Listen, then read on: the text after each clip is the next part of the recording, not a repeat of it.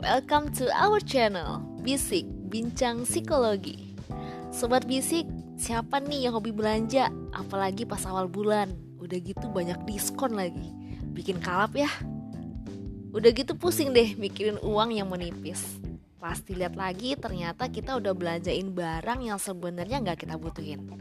Sering banget kan kejadian kayak gini Sebenarnya apa sih yang mendorong orang untuk membelanjakan uangnya ataupun membeli barang-barang yang sebenarnya dia nggak butuh?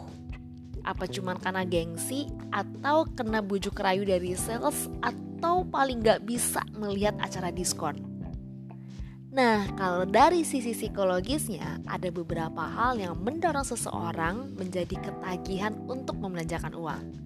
Yang pertama, ada pengaruh dari lingkungan entah itu temen atau acara diskon atau juga karena mungkin memiliki kartu kredit. Yang kedua, karena memang terbiasa atau terbentuk karakter ini dari kecil. Ini ada keterkaitan dengan pola asuh yang membentuk seseorang menjadi suka belanja atau shopping.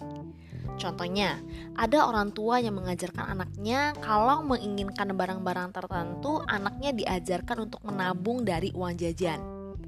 Namun ada juga orang tua yang selalu membelikan apa pun yang diinginkan oleh anak.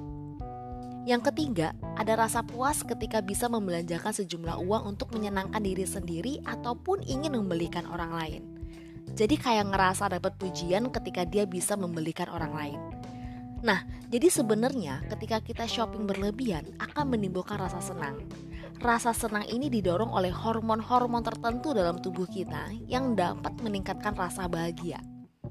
Memang sih kelihatannya sederhana, tapi jika ini berlebihan, tentu akan menimbulkan masalah psikologis. Lalu gimana nih caranya biar kita bisa mengontrol diri agar tidak belanja atau shopping berlebihan? Yang pertama, biasakan mencatat apa pun yang ingin dibeli. Yang kedua, biasakan juga membawa uang cash. Yang ketiga, jangan belanja sendirian ajak temen atau pasangan atau keluarga yang bisa ngingetin kita kalau kita tuh udah belanja berlebihan. Yang keempat, sisihkan antara uang untuk senang-senang dengan uang kebutuhan.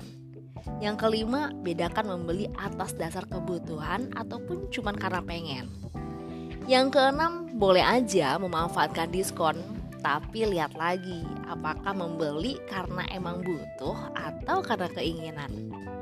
Jadi mulai sekarang belajarlah untuk mampu mengontrol diri, mengubah pola pikir dan perilaku di saat belanja atau shopping sehingga kita juga memiliki simpanan uang untuk masa depan.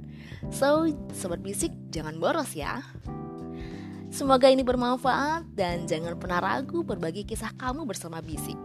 Follow on IG juga ya, bisik underscore bincang psikologi. Terima kasih buat sobat bisik, kami tunggu kisahmu dan sampai jumpa di episode bisik berikutnya.